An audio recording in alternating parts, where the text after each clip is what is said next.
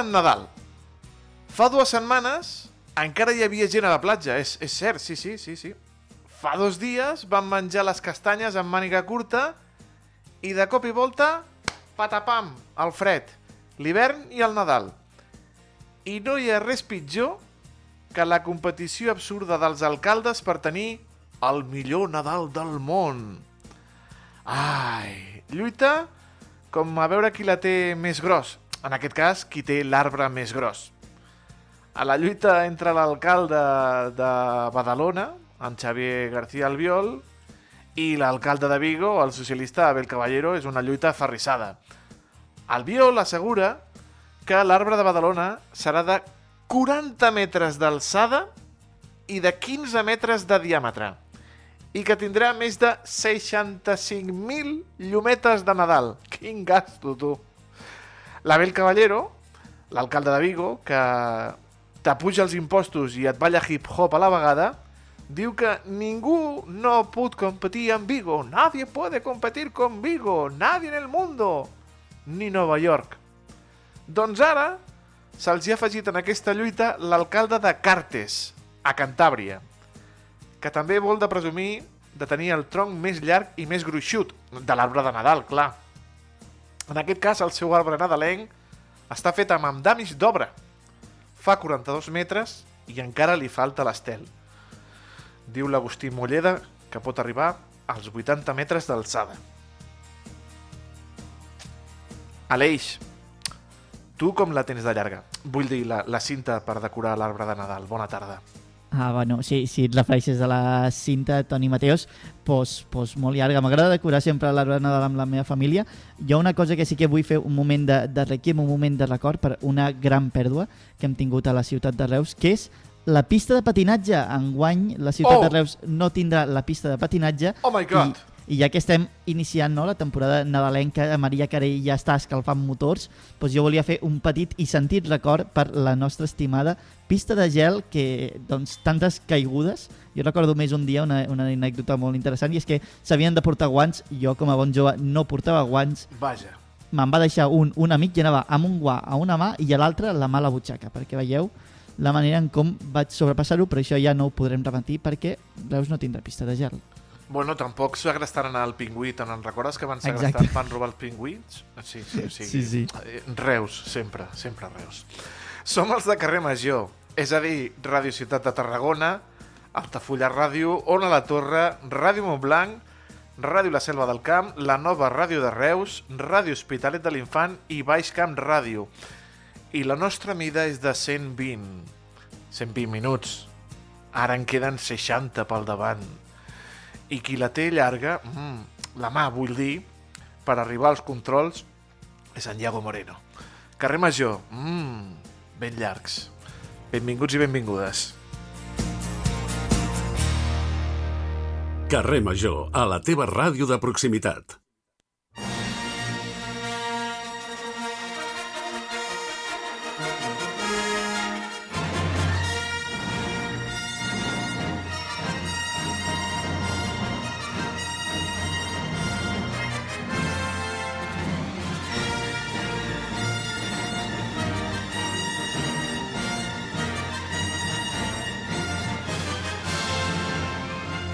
Li he posat aquesta música perquè s'emocioni el nostre, el nostre primer convidat. Ja està plorant. Li cau la llagrimeta, li cau la llagrimeta, ho sé, ho sé. L'Escola de Cinema de Reus, la ESIR, celebra 10 anys de vida. Una dècada plena de treball, d'esforç, de talent i també de premis.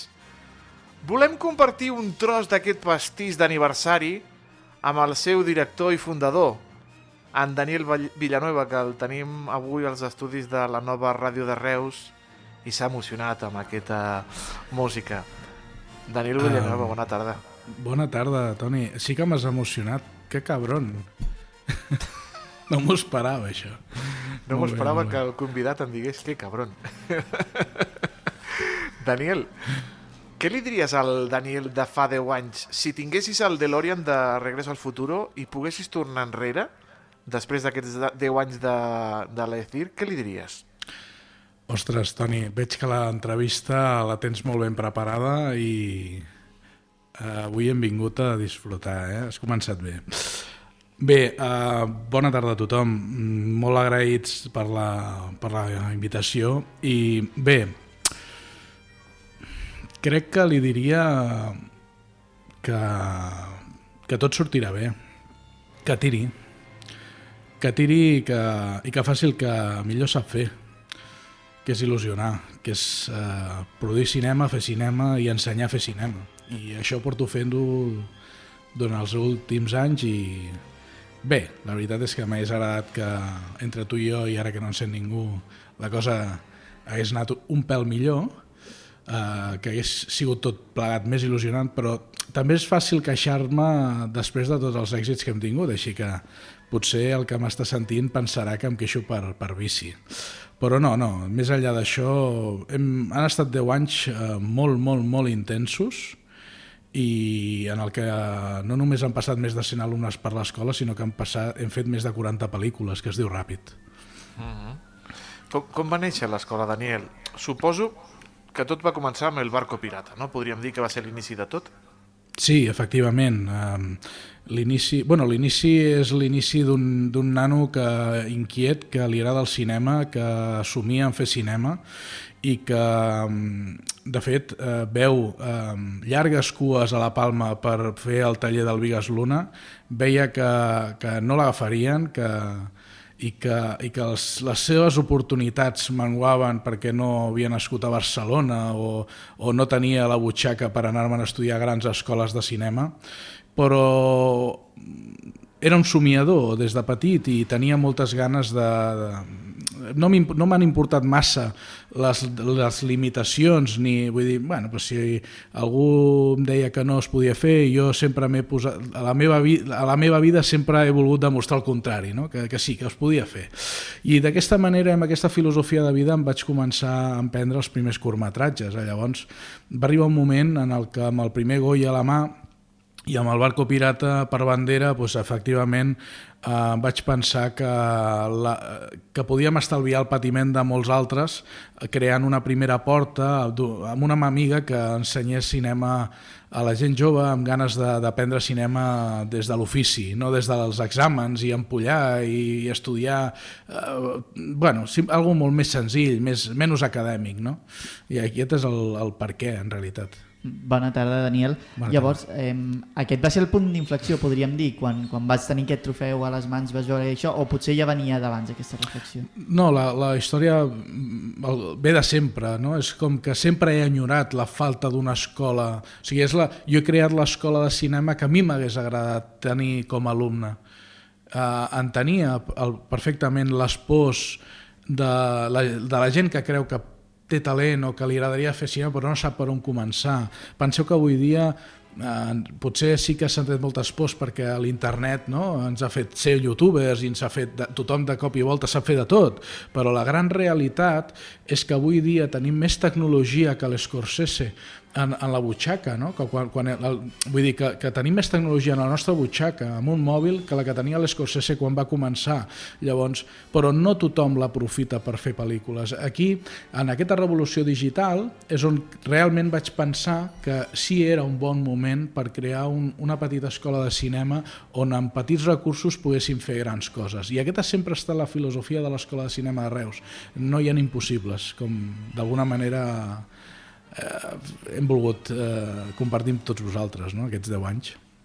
I que no marxin a Barcelona, perquè tot és Barcelona, tot és Barcelona, tot és Barcelona. Es pot fer cinema de qualitat des de, des de Reus, no, Dani?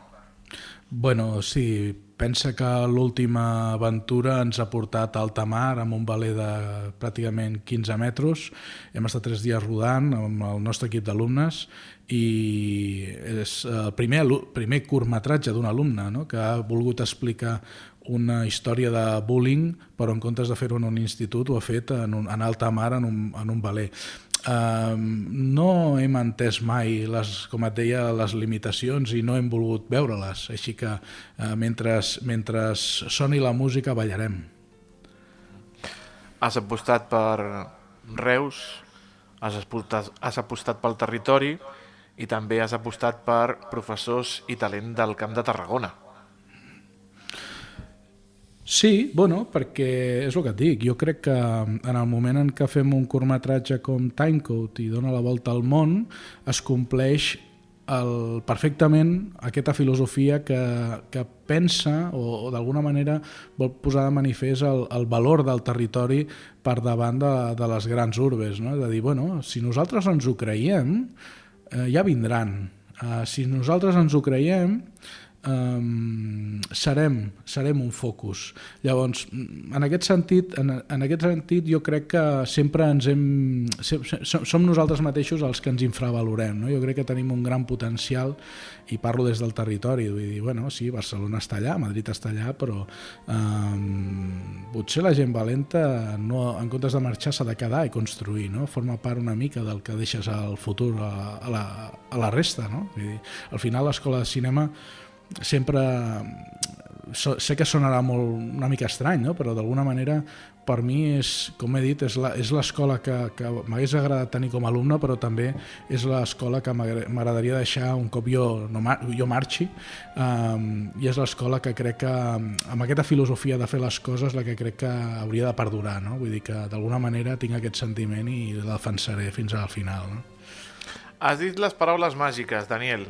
Has dit Timecode. Jo, jo li dic a la gent que si no han vist Timecode, que si tenen Disney Plus, que el busquin, que es deixin d'Invasió Secreta, que no vale para nada, que es deixin d'altres històries i que es mirin aquestes 15 minuts, 15-16 minuts meravellosos de cor, talent, ball, emoció, eh, diversió, que és Timecode. Eh, com va allò de, te n'en recordes de Contigo empezó todo? Pues en Timecode va ser allò la gran explosió, no? Timecode, eh, Toni, és un gran regal que et fa la vida. En un moment donat, portàvem 3 anys d'escola i vam triar Timecode per la seva singularitat, des del guió, Uh, però nosaltres ens hi vam enfrontar com una pel·lícula més, vull dir, no, no sabíem el que ens venia damunt i la veritat és que el viatge va valer la pena, en tres anys d'escola uh, uf, que poc ens ho pensàvem, que això arribaria... Bueno, no t'ho penses mai que arribarà d'una manera no? com, com la que va arribar evidentment, evidentment vam aprendre molt, va ser un, en si mateix un, un, un bon màster, no? tota l'aventura que va durar dos anys, ens va permetre viatjar per tot el món, i ens va permetre conèixer molts cineastes, molt de cinema, ens va permetre eh, fer entendre que les limitacions una vegada més només ens les posàvem nosaltres i que un curtmetratge que se suposa que només serveix per aprendre a fer cinema eh, conquistava i, i tenim anècdotes precioses, no? Vull dir, el Michael Fassbender, això no em sembla que no he explicat mai, no? El Michael Fassbender eh, enviant-nos un mail perquè volia veure Timecode, no? Vull dir que el, el, el, ens vam adonar de que en sec la indústria estava tot lo lluny que nosaltres eh, creiéssim que estava i a la vegada eh, vam estar ballant no? Eh, a la catifa vermella durant, durant els dies que va durar jo. Vull dir que eh, va ser jo crec que el regal, com et deia, de vida, que, que va fer que tot que, totes les alumnes, eh, professors i gent que vam creure en el projecte ens, eh, d'alguna manera, quedés molt clar i ens gravés a foc que, el, que l'Escola de Cinema de Reus havia nascut eh, realment perquè havia de néixer i que d'alguna manera mm, allò no havia de morir eh, en, en només Timecode, no? com hem demostrat 10 anys, no? en aquests 10 anys. Vull dir que havia, no havia sigut fruit de la sort, que això és una altra cosa que a mi m'agradaria reivindicar, sinó que, sinó que portem 10 anys anant pel món en, en més de 40 pel·lícules. No? Vull dir que el Timecode, evidentment, pues, sempre sempre serà la nostra bandera, però, però n'hi ha hagut de més. De fet, aquest diumenge presentem eh, a l'Acadèmia de Cinema el crèdito de, del Sacristan. No? Sí, eh, això et volia preguntar perquè al final l'Ecir té molts més projectes no? després d'aquest boom, després de potser una mica no? pujar als núvols, no? volar una mica, va tocar tornar a Reus, tornar a l'escola i, i bé, m'agradaria saber una mica com també com vau plantejar aquest aterratge, no? per dir-ho d'alguna manera. Bé, sempre, des d'una escola petita i humil, sempre és difícil plantejar estudis de llarga durada, no? quan no hi ha recursos i, i pensàvem que d'alguna manera era un peix que es mossegava la, la cua, si no eres capaç de créixer, no eres capaç de treure no? aquest talent que tenia ganes d'estudiar cinema. No? La veritat és que vam fer una aposta molt valenta i llavors Pensa que llavors fèiem un curtmetratge a l'any i ara actualment estem en, un, en, una, en una diplomatura de 3 anys de titulació pròpia on tres grups on cada alumne cada any fa un curtmetratge. Vull dir, estem, som, ens hem convertit, perquè també, des del 2017 som productora de cinema amb l'Ether Films, ens hem convertit en una de les productores de, de curtmetratges més potents de tota Catalunya i això és gràcies a, a, a l'aposta que fem molt ferma de, del jove talent i esperem que, bueno, i tenim, tenim el repte de, de que el que avui són curtmetratges el dia de demà siguin llargmetratges, però això és una altra aventura. No? Aquest senyor que el tenim aquí assentat als estudis de la nova ràdio de Reus, a banda d'estar eh, de guanyar ni més ni menys que la Palma d'Or al Festival de Cants al Goya al millor curtmetratge. Va estar nominat als Oscars al millor curtmetratge de ficció. Doncs té, és un amant del, tant del cinema, és un amant del, dels cinemes, de la, de la religiositat d'anar al cine, que va ser l'encarregat de tancar el Cinema Palace, el cine de la meva vida, el mític Cinema Palace, amb Marcianos de Marte. Quina nit més maca que ens vau regalar. Moltes gràcies, Toni. Sí, um, la veritat és que quan ens, ens vam adonar de que, de que la notícia no era una llegenda, sinó que, que sí, que era cert que anava a tancar finalment, um, vaig voler vaig voler fer alguna cosa, bueno, crec que havien de fer alguna cosa. Els amos del, del, del cinema estaven esgotats, no tenien, tenien aquell punt de, de que s'acabava, no? i els, els vaig convèncer que em deixessin rodar una pel·lícula. Dic, mira, en correrem molt perquè tal dia començava la demolició, dic, però necessito ficar-me un parell de dies i, i rodar un curt. Es va rodar el curt, última sessió del director nostre exalumne, el Roger Bassó, i, i mentre feia, mentre fèiem la pel·lícula pensava pues, que ens faltava alguna més no? i que havíem de d'acabar amb un, un final feliç, no? que al final els cineastes, eh, la majoria almenys ens agrada que hi hagin finals feliços. No? I bueno, els hi vaig proposar, de, a més donava la circumstància de que havia acabat eh, Marcianos de Marte, una pel·lícula coproduïda amb l'Arturo Méndiz, i dirigida pel Fernando Trullols, no? Vull dir, ara el Fernando acaba de, de, de dirigir l'última sèrie, el biòpic del, del Miguel Bosé, vull dir que molt bé, molt bé, molt bé, I, i la veritat és que quan va dir que sí, que podia que podíem fer-ho, pues, em va ajudar molt, recordo, em va ajudar moltíssim el Josep Bages, li envio aquí una salutació molt, molt forta, una abraçada molt forta, vull dir. Em va ajudar molt a organitzar-ho tot i la veritat és que, com tu bé has dit, Toni, aquella nit crec que va ser màgica, no? Primer perquè Marcianos de Marte uh, crec que era una pel·lícula molt adient, uh, molt vuitantera, no? amb aquest toque vuitantero de, de, que, que d'alguna manera li pagava a la sala, a la sala 1 del, del Palace i, i evidentment pues, eh, poder tindre l'oportunitat de dir-li adeu al Palace Uh, bueno, doncs, malauradament uh, sona raro, però sí, va ser, va ser una fita que portaré al meu cor sempre. No? I tant, eh, jo t'ho agraeixo perquè no havia vist la, la sala del Palace amb la gent asseguda als passadissos des de ET, Bicivoladores, Regreso al Futuro, en fi. I com has dit tu, doncs, el, el Marcianos és, és molt, molt vuitantero. Has parlat de eh, el treball, més de 40 films de l'escola. Eh, a l'hora de, de la veritat, quina sortida eh, tenen o poden tenir totes aquestes obres realitzades?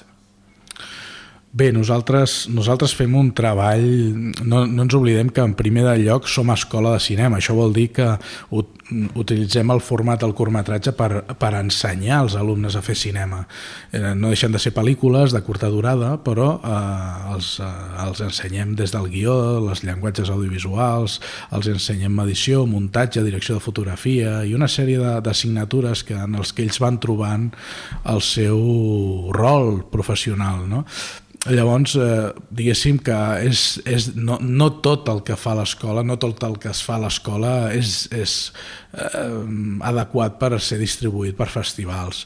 El que sí, el que sí passa és que la corba d'aprenentatge és, és molt, realment és molt pronunciada i arriba un punt en el que els alumnes eh, milloren d'una manera exponencial la seva, el seu treball i arriba un moment en què te n'adones que estem enmig d'una pel·lícula que realment té prou potencial per, per ser distribuït. Al moment que prenem la decisió de que es distribueixi una pel·lícula, entren eh, forces econòmiques pel mig que fa molt complicat aquesta decisió i realment eh, ens costa moltíssim eh, fer aquest pas. Malauradament no podem a vegades distribuir curtmetratges que, que podrien fer-ho i de fet és un, és un gran repte que tenim a partir d'aquest desè aniversari perquè ens està passant que tenim alumnes molt madurs i tant alumnes com exalumnes perquè es mesclen tots, en totes les pel·lícules és com que eh, tant alumnes com exalumnes no? estem fent allí un poti-poti que fa un caldo de cultiu molt bonic d'aprenentatge tremendo això fa que ara ens trobem en una situació en la que tenim diverses pel·lícules molt bones que mereixen ser distribuïdes i eh, hem començat ja a buscar patrocinadors perquè d'alguna manera ens sabria molt greu que aquesta, aquestes, aquests projectes que han costat tant de, de fer i de parir quedin en un calaix. No? Jo crec que, jo crec que la, la part de l'escola de cinema ha de ser no només ensenyar cinema als alumnes, sinó a llançar-los contra la indústria, llançar-los contra el mercat i que, i que, i, i que visquin l'aventura de distribuir una primera pel·lícula a festivals crec que és el que acaba de tancar l'educació d'un cineasta. No? Crec, que, crec que hem de ser nosaltres qui donem aquest, aquest afavorim que això passi. No? I, i, a, I a més també eh, el, el tema del finançament, no? que comentaves ara una mica també, no sé si també és, és un dels reptes, no? també és part de l'aprenentatge a l'hora també de inclús eh, recaptar diners per poder dur a terme tots aquests curtmetratges. Sí, sí, sí, sí. realment eh, portem 10 anys eh, en pandèmia pel mig i guerres i històries que, bueno, és el que et deia abans, no, no et pots queixar perquè veus com està el panorama, però sí que és cert que nosaltres ens hem medit en base al, als recursos que disposàvem i, i als pocs alumnes que hem tingut realment. No?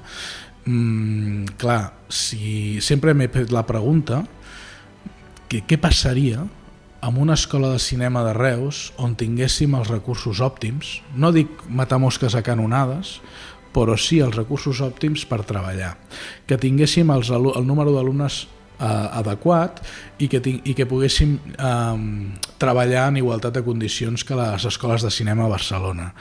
Perquè si amb lo poquet que tenim, amb lo poquet que som i amb lo poquet que, que, que hem aconseguit fer en aquests 10 anys, crec que, crec que la ciutadania, podem parlar d'una ciutadania que si per Timecode eh, em, em, em, tinc molt clar que va sentir orgull de ciutat, eh, tot i no ser un equip de futbol, eh, crec que estaríem donant alegries dia sí dia també. El Daniel me'l vaig trobar farà un temps eh, pel carrer i em va dir, hosti Toni, tenim allà el crèdito que està movent-se. Em va explicar així en 5 minuts els tejemanejes dels Goya, que dius tu, però no... És complicadíssim tot això, ha d'estar de, ha premiada en 25 diferents... 20, ha de tenir més de 25 premis per optar al Goya...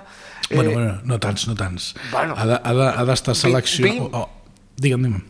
No, no, són 20, no?, per, per poder optar als Goya o 20 no, no, no, no, no, no, no pas, no pas, no pas. Uh, o ha de tindre, o ha de tindre mm, un, o ha de guanyar el primer premi d'un festival de curtmetratges que qualifiqui els Goya, o ha de tindre set seleccions. Eh, tindre set seleccions eh, implica que el curt funcioni molt bé. Vale? Vull dir, ja és una criba. Uh, pensa que el Crédito ha, ha, ha accedit uh, aquest any als Goya tenint-ne 14. Vale? Això no vol dir que tingui 25 premis o 60 seleccions, però després la, les seleccions que qualifiquen els Goya són 14, de les quals necessitàvem 7, vull dir que molt satisfets. O El Crédito, dirigida per un cambrilenc, a l'Àlex Escudero, produïda mig- a Reus, Sí, amb un sí, actor de Reus, com és el Carles Vigorra, Mm. i amb un monstre de la interpretació que em poso dret, que és Don José Sacristán. Ah, espera, jo- em poso dret. Ojo, Jo m'atreviria a dir-te que en tenim dos de monstres, no? No oblidem Bueno, el Manuel Maya. Galeana. I la Maya Salamanca també està per allà, no? Sí, sí, sí, sí, i la Maia Salamanca, déu nhi Monstres, monstres. De... la- Bueno, i Carles Vigorra, que és un monstre, també.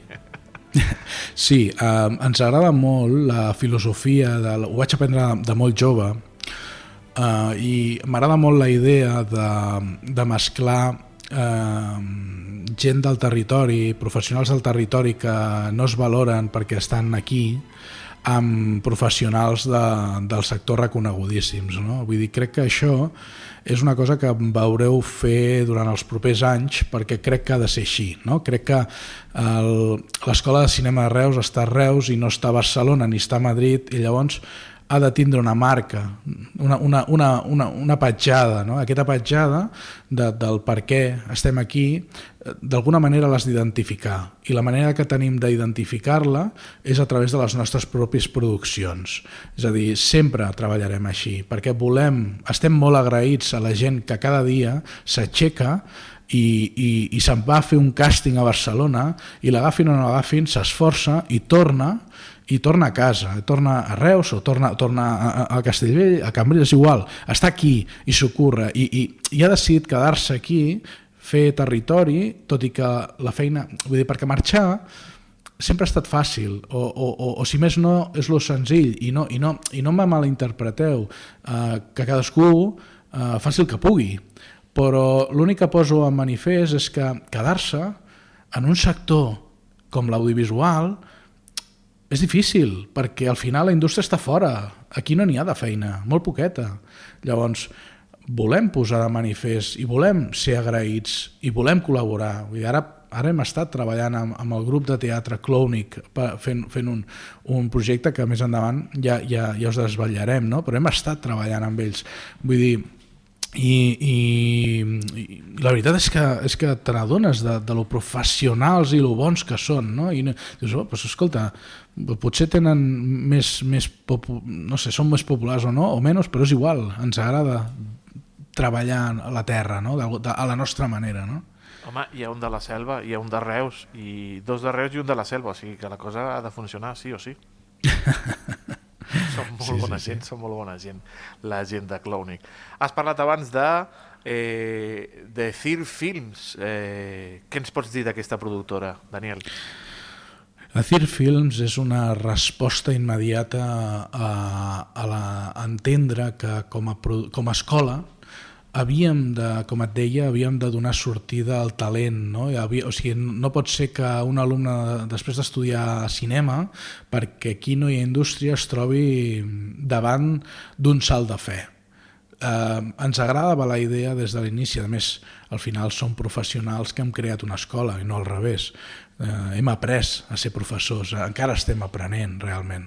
Però el que, el que sí teníem clar és que si això és ofici, l'ofici mm, no s'ha de deixar de fer, no? és dia a dia, és picar molta pedra. Llavors, l'Escola de Cinema de Reus per si mateixa no tenia les eines per eh, traspassar la frontera educacional cap al món professional. Per això vam pensar que havia de tenir una, una, una, aquí sí, una productora, una empresa totalment vinculada, és a dir, en, ens, pensa que ens envien a vegades eh, guions i projectes de fora perquè produïm i, i no és la nostra política, no ens mirarem mai aquest tipus de projectes. Han de néixer dins, a través d'alumnes, exalumnes o mateixos professors. Vull dir, el crèdito, per exemple, el guió és del professor de guió de l'escola, de l'Ivan Serra, i, i, i el dirigeix un alumne i el produeix el director de l'escola, que és el Daniel Villanueva, a través de l'Ethir Films. I aquesta fórmula, eh, és el que et dic, costa molt, de, de, de, ara inicialment costa molt d'arrencar, però en el moment en el que els engranatges comencin a girar, jo crec que ens podem plantar ràpidament en fer la primera pel·lícula, que jo crec que és el gran repte que sí. tenim. Això t'anava a dir, fins ara hem estat parlant de curtmetratges, no? Uh, què suposaria un llargmetratge per l'escola?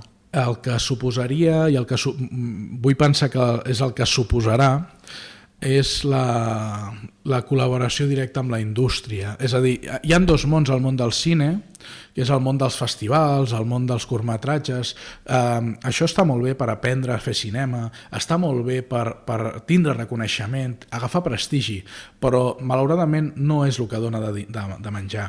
Eh, per, anar, per, per menjar has de passar a la indústria. Una cosa no lliga a l'altra, però una cosa sense l'altra no té sentit. Eh, que algú, algun tolai eh, d'en sexe posi a fer un llargmetratge sense haver passat pel curtmetratge no té la meva admiració. Crec que és, crec que és un tarat mental, perquè ho dic amb coneixement de causa, després de fer 40 pel·lícules de curtmetratge és necessari passar pel curtmetratge, per això ho tenim tan clar. Però una vegada hem assumit eh, al final tot aquest expertise, tota aquesta experiència creiem realment que arriba l'hora d'ajudar els nostres alumnes a tirar endavant els seus primers llargmetratges, perquè entenem que és allà on està la indústria i és on la indústria ens rebrà i és on, la, és on amb aquests contactes realment podrem estendre el pont que falta perquè, perquè els nostres alumnes comencin a sortir de l'escola i puguin guanyar-se la vida. I, i, I no és que els meus alumnes puguin, no puguin fer-ho, simplement dic que, que com a escola eh, crec que sincerament tenim el deute d'establir aquests ponts. No? Saps quan surten ja les nominacions definitives dels Goya? Bueno, suposo que les bases és que me les he llegit dues vegades i no me'n recordo. Uh, crec que a finals de novembre segurament sabrem alguna cosa. Mm -hmm. Sempre és un plaer parlar amb tu, Dani. Eh, eh, quin és l'últim còmic que t'has comprat i quina és l'última figura que has comprat o que has guanyat, punyetero? Ai, que... Uh, Ai, bueno, pues... que cabron, com has dit al principi. Me l'has tornat. Bueno, pues, còmic... Uh, pues mira, uh, t'he de dir que l'últim còmic no és un còmic, sinó que és un llibre d'il·lustracions del Frank Frazetta, que, el qual admiro molt. Eh, jo, jo tinc dos, dos, eh, dos eh, autors de, un, de còmic, que és el Minyola, el Mike Minyola, que, Mike Minyola. Mm -hmm. que, que per mi és, és un geni, m'agrada molt, tot i que no ha estat encertat en l'última pel·lícula del Hellboy, però crec que es va fer una gran obra, va, crec que Guillermo del Toro li va fer un gran regal amb aquestes dues pel·lícules.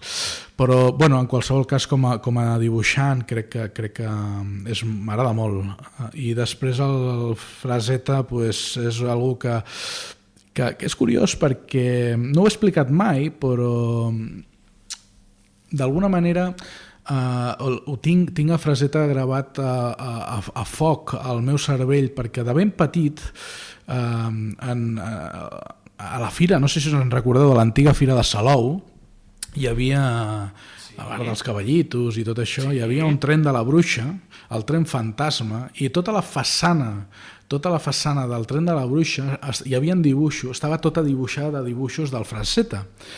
I, i aquells dibuixos em van, em van cautivar des d'aquell de, des de, moment. No? I, I des de llavors, tenia jo, jo què sé, 4, 5, 6 anys, em va enamorar. Llavors eh, m'agrada molt l'obra d'ell de, i, i la segueixo. Um, i, com, uh, I després em parlaves de figures. Bé, no, pues, uh, sí, el Toni, uh, pel que no s'hagi perdut un capítol, simplement us puc dir que a part de, de com a amant del cinema eh, tinc un punt de, de, de friki, ara quedaré no. malament, però bueno, no, jo no ho porto esperava. molt d'orgull i, i, i, tinc, i tinc una col·lecció molt bonica de, de figures de 30 centímetres de, que representen personatges de pel·lícules. No? I en aquest sentit, mm, deixa'm dir-te que l'última l'última que, que ha arribat Uh, és, un, és un Boba Fett de, de 60 centímetres i, i la veritat Aquest és que... és una 4, bueno, no? Sí, és un personatge que, que, que de sempre també m'ha enamorat i tenia moltes ganes de tenir-ho, així que la veritat és que, bueno, és, mira, un, és un petit regal que m'he fet. Nosaltres ens hem enamorat de tu i de la teva escola Daniel Villanueva, director i fundador de l'Escola de Cinema de Reus. Un plaer. Eh, el cafè encara està pendent entre tu i jo, eh? Sí, sí, sí. El, poses tu i jo El ja vindré a la selva, si vols. Una abraçada. Gràcies, Daniel. Fins la propera. Una forta abraçada a tots.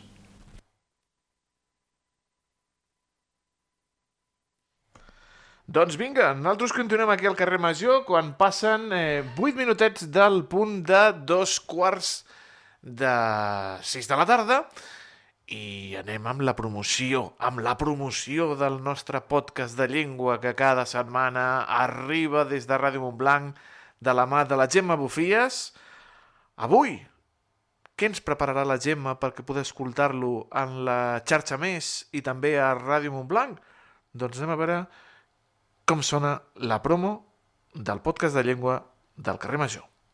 Dia Crític, el podcast de la llengua catalana que posa al punt de mira les fortaleses i les debilitats de la llengua dels països catalans. Potser allà on viviu us heu creuat amb una cabina de ràdio mòbil de color groc i amb unes dents humanitzades que són la Queta, la protagonista de la nova campanya institucional. La intenció de la Generalitat és crear el podcast més gran que mai s'hagi fet en català.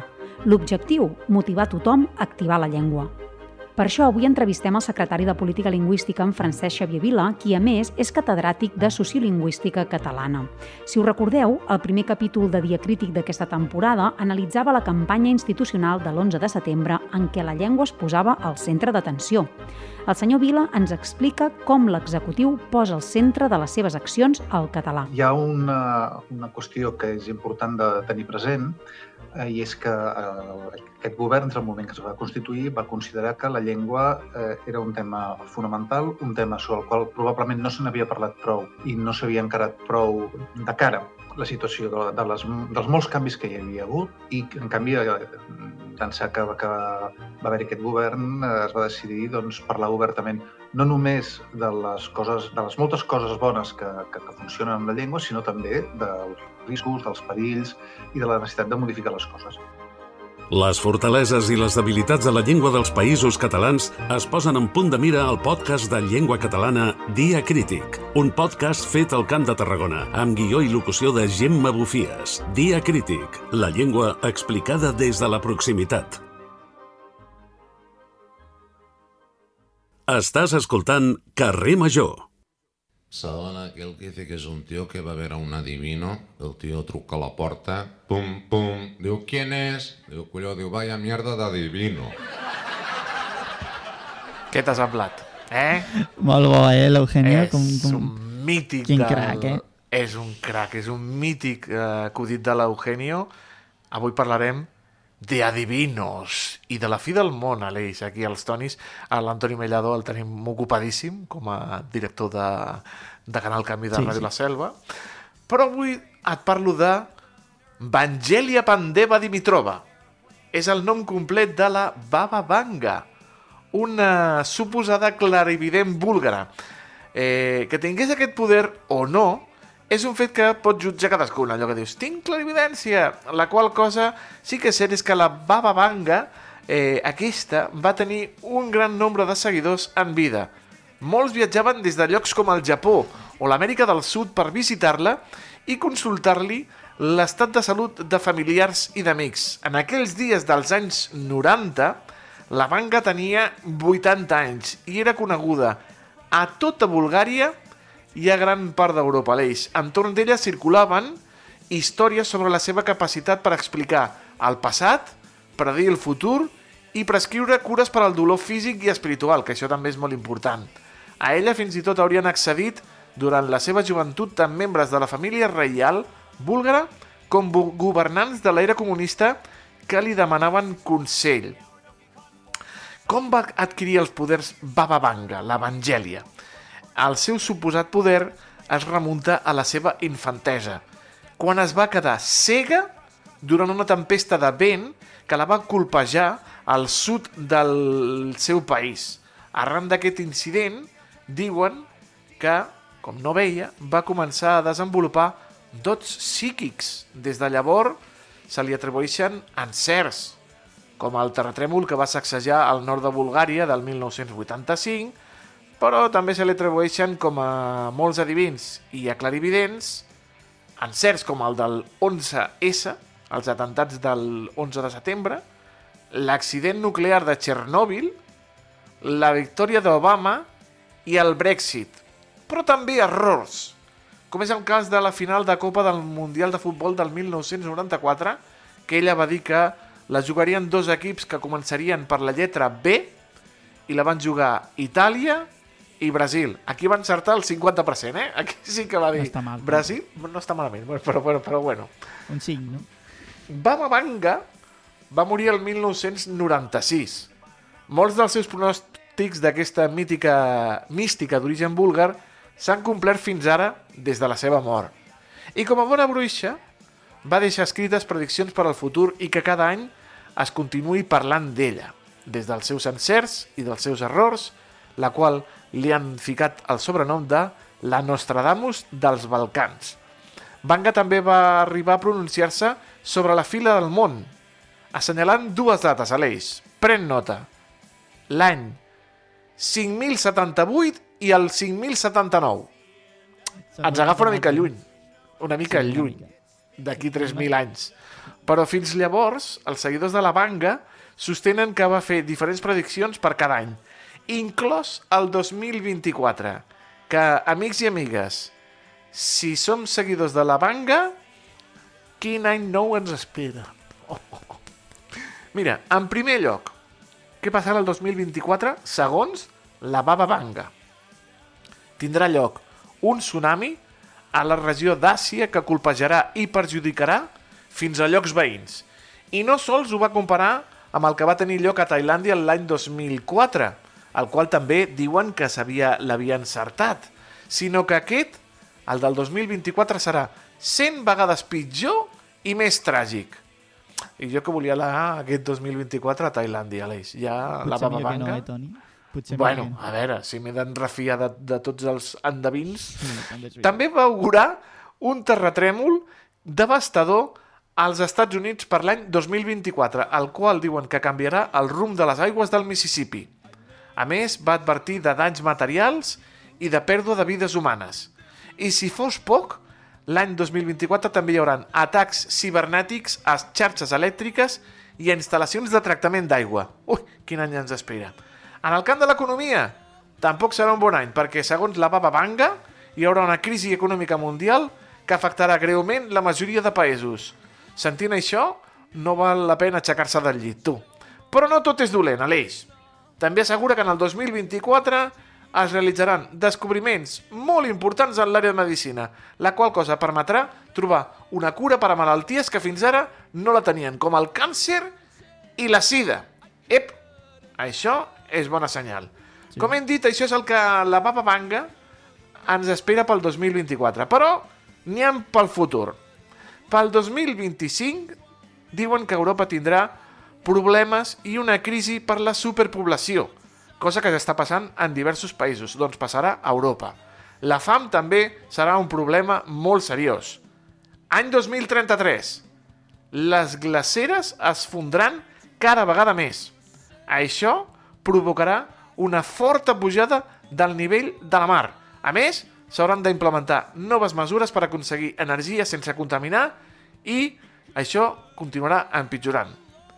Any 2043, Aleix, l'economia millora notablement després de la crisi. Et podràs comprar un pis, home, per fi, Yeah. el 2043, molt bé. Aplaudiments. I també, el 2043, a Europa, els musulmans prenen el poder, segons la Baba Vanga. No sabem si serà per les urnes o d'una altra manera. Això no ho aclareix. 2046. Els òrgans es podran reproduir en massa. L'intercanvi d'òrgans es converteix en la forma més utilitzada pels metges, inclusivament per allargar la vida de l'ésser humà. És a dir, es curaran malalties fabricant òrgans nous d'usar i de llançar. I Roma serà atacada pels Estats Units. Ojo, a l'any 2066. El comunisme triomfarà l'any 2076. Hosti, si Lenin aixequés el cap. El que estarà de moda el 2076, eh?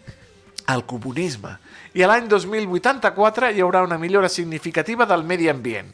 Al 2088 sortirà una nova malaltia que provocarà l'envelliment ràpid i, no obstant, en el 2097 eh, 11 anys després, aquesta malaltia tro trobaran la seva cura. Però pel 2097 jo dic que no hi serem. Però bueno, qui sap, no, Aleix? Qui sap? Amb això Home, dels jo espero que sí.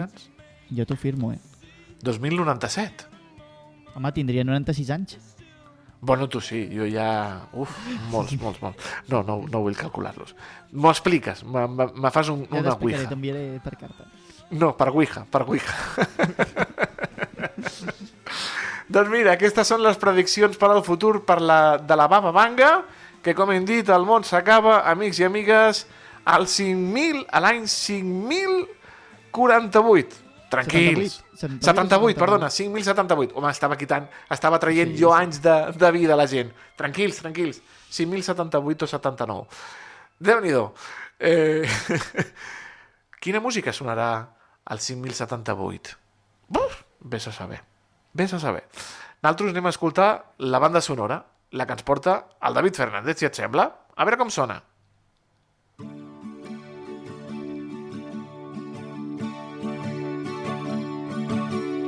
Aquesta és la història d'en Manel. Doncs la història del Manel. David Fernández, bona tarda.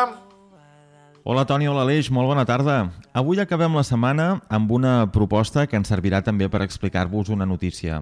Resulta que el passat dia 1 de novembre es van conèixer qui són les tres formacions que passen a la final del concurs Sona Nou, aquest concurs de referència a nivell de països catalans que enguany, per això us ho expliquem avui, doncs ha escollit l'Eloi Duran, un músic tarragoní, com a un dels tres finalistes. Això vol dir que actuarà a la sala Luz de Gas el dimecres 15 de novembre al costat de les altres dues bandes que han arribat a la final, Núria Duran i Sosun.dance.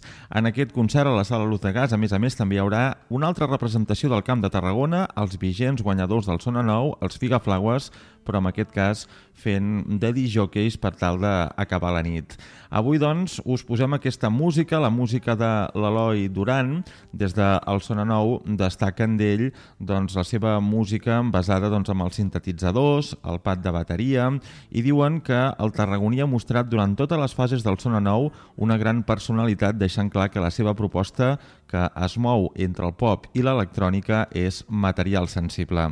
L'Eloi Duran diu que ofereix una sonoritat pròpia amb el seu indie pop que cura el cor, així és com ho diu.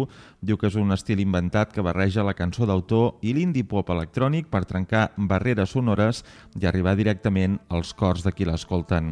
Reconeix que té referents com ara Ferran Palau, Pau Vallvé, Anna Andreu o la Magalí d'Atzira i, de fet, eh, compta ja amb dos EPs al mercat. El segon es diu El que veig quan miro, on hi ha precisament aquesta cançó que avui hem escollit que es diu Manel. Avui, doncs, una formació, una proposta emergent del Camp de Tarragona, la que signa l'Eloi Duran, que el dia 15 de novembre pot ser el guanyador del Sona Nou, i si guanya tindrem dos anys seguits guanyadors del Camp de Tarragona, perquè, com us dèiem, l'any passat van guanyar els Figaflaues, i com sempre us diem, Eloi Duran, la proposta d'avui del carrer Major, si us agrada, com sempre, sapigueu que la podeu trobar a totes les plataformes. Doncs moltes gràcies, David. I ràpidament del David, de la seva banda sonora, anem amb la furgoneta amb el Miquel Llevaria, que ens explicarà avui el Miquel. Me sembla que ha anat fins a Vilaseca. Miquel Llevaria, molt bona tarda, company. Doncs mira, jo el que he fet és desplaçar-me fins a un lloc que ja vam visitar la temporada passada, però que a mi m'agrada visitar perquè és que estem justament a l'Institut d'aquí de, de Vilaseca, justament per parlar del club Hoquei Vilaseca un cop més. Un club que no és tan sols un club esportiu, també ho és, però és un club que té molt més al seu darrere, una part social molt important i que en tot cas ho vol fer veure en la presentació dels seus equips que tindrà lloc aquest cap de setmana. I en tot cas, la millor persona que tinc ara mateix aquí al costat per parlar-ne és el Guillermo García, que és el president del Club Hoquei Vilaseca. Moltes gràcies per acompanyar-nos uns minutets a Carrer Major. Gràcies a vosaltres, bona tarda. Escolta, eh, fa patxoca, no? I deu fer molta il·lusió quan arriba aquest moment de fer la presentació dels equips, no? Pues sí, és una data tradicional cada any per a aquestes dates. Pues fem una trobada, és gairebé l'únic dia que ens trobem tots a les graderies, totes les famílies, tots els jugadors, i, bueno, i és que els nens també gaudeixen, no? fan la seva presentació, surt el seu nom, i les famílies també ho passen molt bé veient els seus nanos. Mm -hmm, I escolta, de quants nanos estaríem parlant? Bueno, nois i noies, no? Sí, exacte. Tenim entre nois i noies tenim unes 93 persones, ja des dels primers equips fins a, al primer equip, i després tenim l'escoleta, que té, aquest any tindríem, ara estem al voltant dels 16, els 16 nens i nenes. Escolta, uns números importants, però és que, en tot cas, aquesta presentació no la voleu fer com una presentació qualsevol, sinó que voleu donar-li una mica més de, de gustillo, m'han comentat. Eh, com, com es viurà aquesta jornada?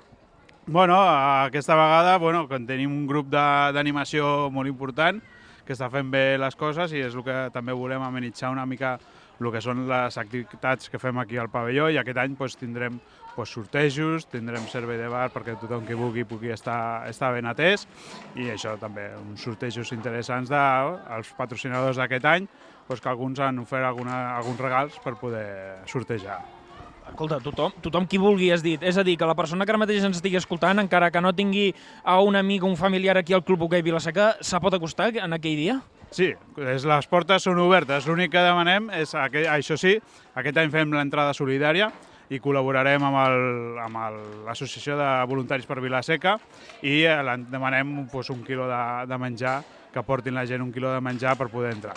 Evidentment, no, és algo simbòlic i eh, no, no hi haurà cap problema. Però sí que demanem que com a mínim doncs, podem aportar aquest granet de sorra i fer aquesta aportació un club esportiu, un club social, un club solidari. Si és que, escolta, ho teniu tot, no?, per acompanyar, eh, sobretot amb aquests nanos que ara mateix les persones que ens estiguin eh, veient a través del servei de streaming veuran que a la nostra esquena, si capta el micròfon algun soroll, és que ara mateix estan entrenant aquí el, un dels equips de, del Club Hockey Vilaseca, que imagino que estaran en aquesta presentació. Eh, clar, és tota aquesta funció, no tan sols d'un club esportiu, sinó també totes aquestes doncs, punts de voler ajudar, de voler ajudar els nanos i també de voler ajudar a la societat a través d'aquest eh, acte solidari. Exacte, nosaltres entenem que com a associació i com a entitat sense ànim de lucre, el que volem és formar nens, no només ens hem de basar en el que és la vessant esportiva, que evidentment és la important i la que es veu més reflexada al club, però també volem el que diuen els nostres estatuts, formar com a persones, no? I per això doncs, fem totes aquestes, des ja quatre anys que portem, també de la mà de l'Ajuntament, amb la seva col·laboració doncs, estem fent un, un multitud d'activitats, accions de doncs, formació en valors per als petits, accions d'inclusió amb l'Institut Calípolis, la Fundació Onada, aquí al pavelló. Estem fent ara, ara hem començat també a l'estudi assistit, també per als nens. En fi, és el que el projecte sumat a l'hoquei que al final és un, una escola de valors. O sigui, el que fem és Club Hockey Vilaseca, que té una, una escola de valors que realment està agafant molta força i estem molt orgullosos, la veritat una escola de valors, valors com el respecte, el treball en equip, l'esforç que s'intenten implementar des de fa temps aquí al Club Hockey Vilaseca i que continuen i que, doncs escolta, ho celebraran amb aquesta presentació dels equips, hi ha informació de servei. Dia, hora i en quin moment ens hem de plantar aquí per poder per un costat ser solidaris i per l'altre doncs, animar el Club Hockey Vilaseca en aquesta temporada que inicia. Pues el dia 4 de novembre, aquest dissabte, L'acte començarà la presentació a les 5 i quart, a un quart de 6 de la tarda, aquí al pavelló, començaran els actes de presentació i després sempre aprofitem aquest dia per fer el trofeu de l'excel·lentíssim Ajuntament de Vila. Doncs moltíssimes gràcies, Aleix, perquè se'ns acaba el temps. Ai, Miquel, perdona, Miquel Llevaria. I també moltíssimes gràcies a tu, Aleix. Tornem el dilluns. Bon cap de setmana, que vagi molt bé. Adeu. Adeu. Adeu.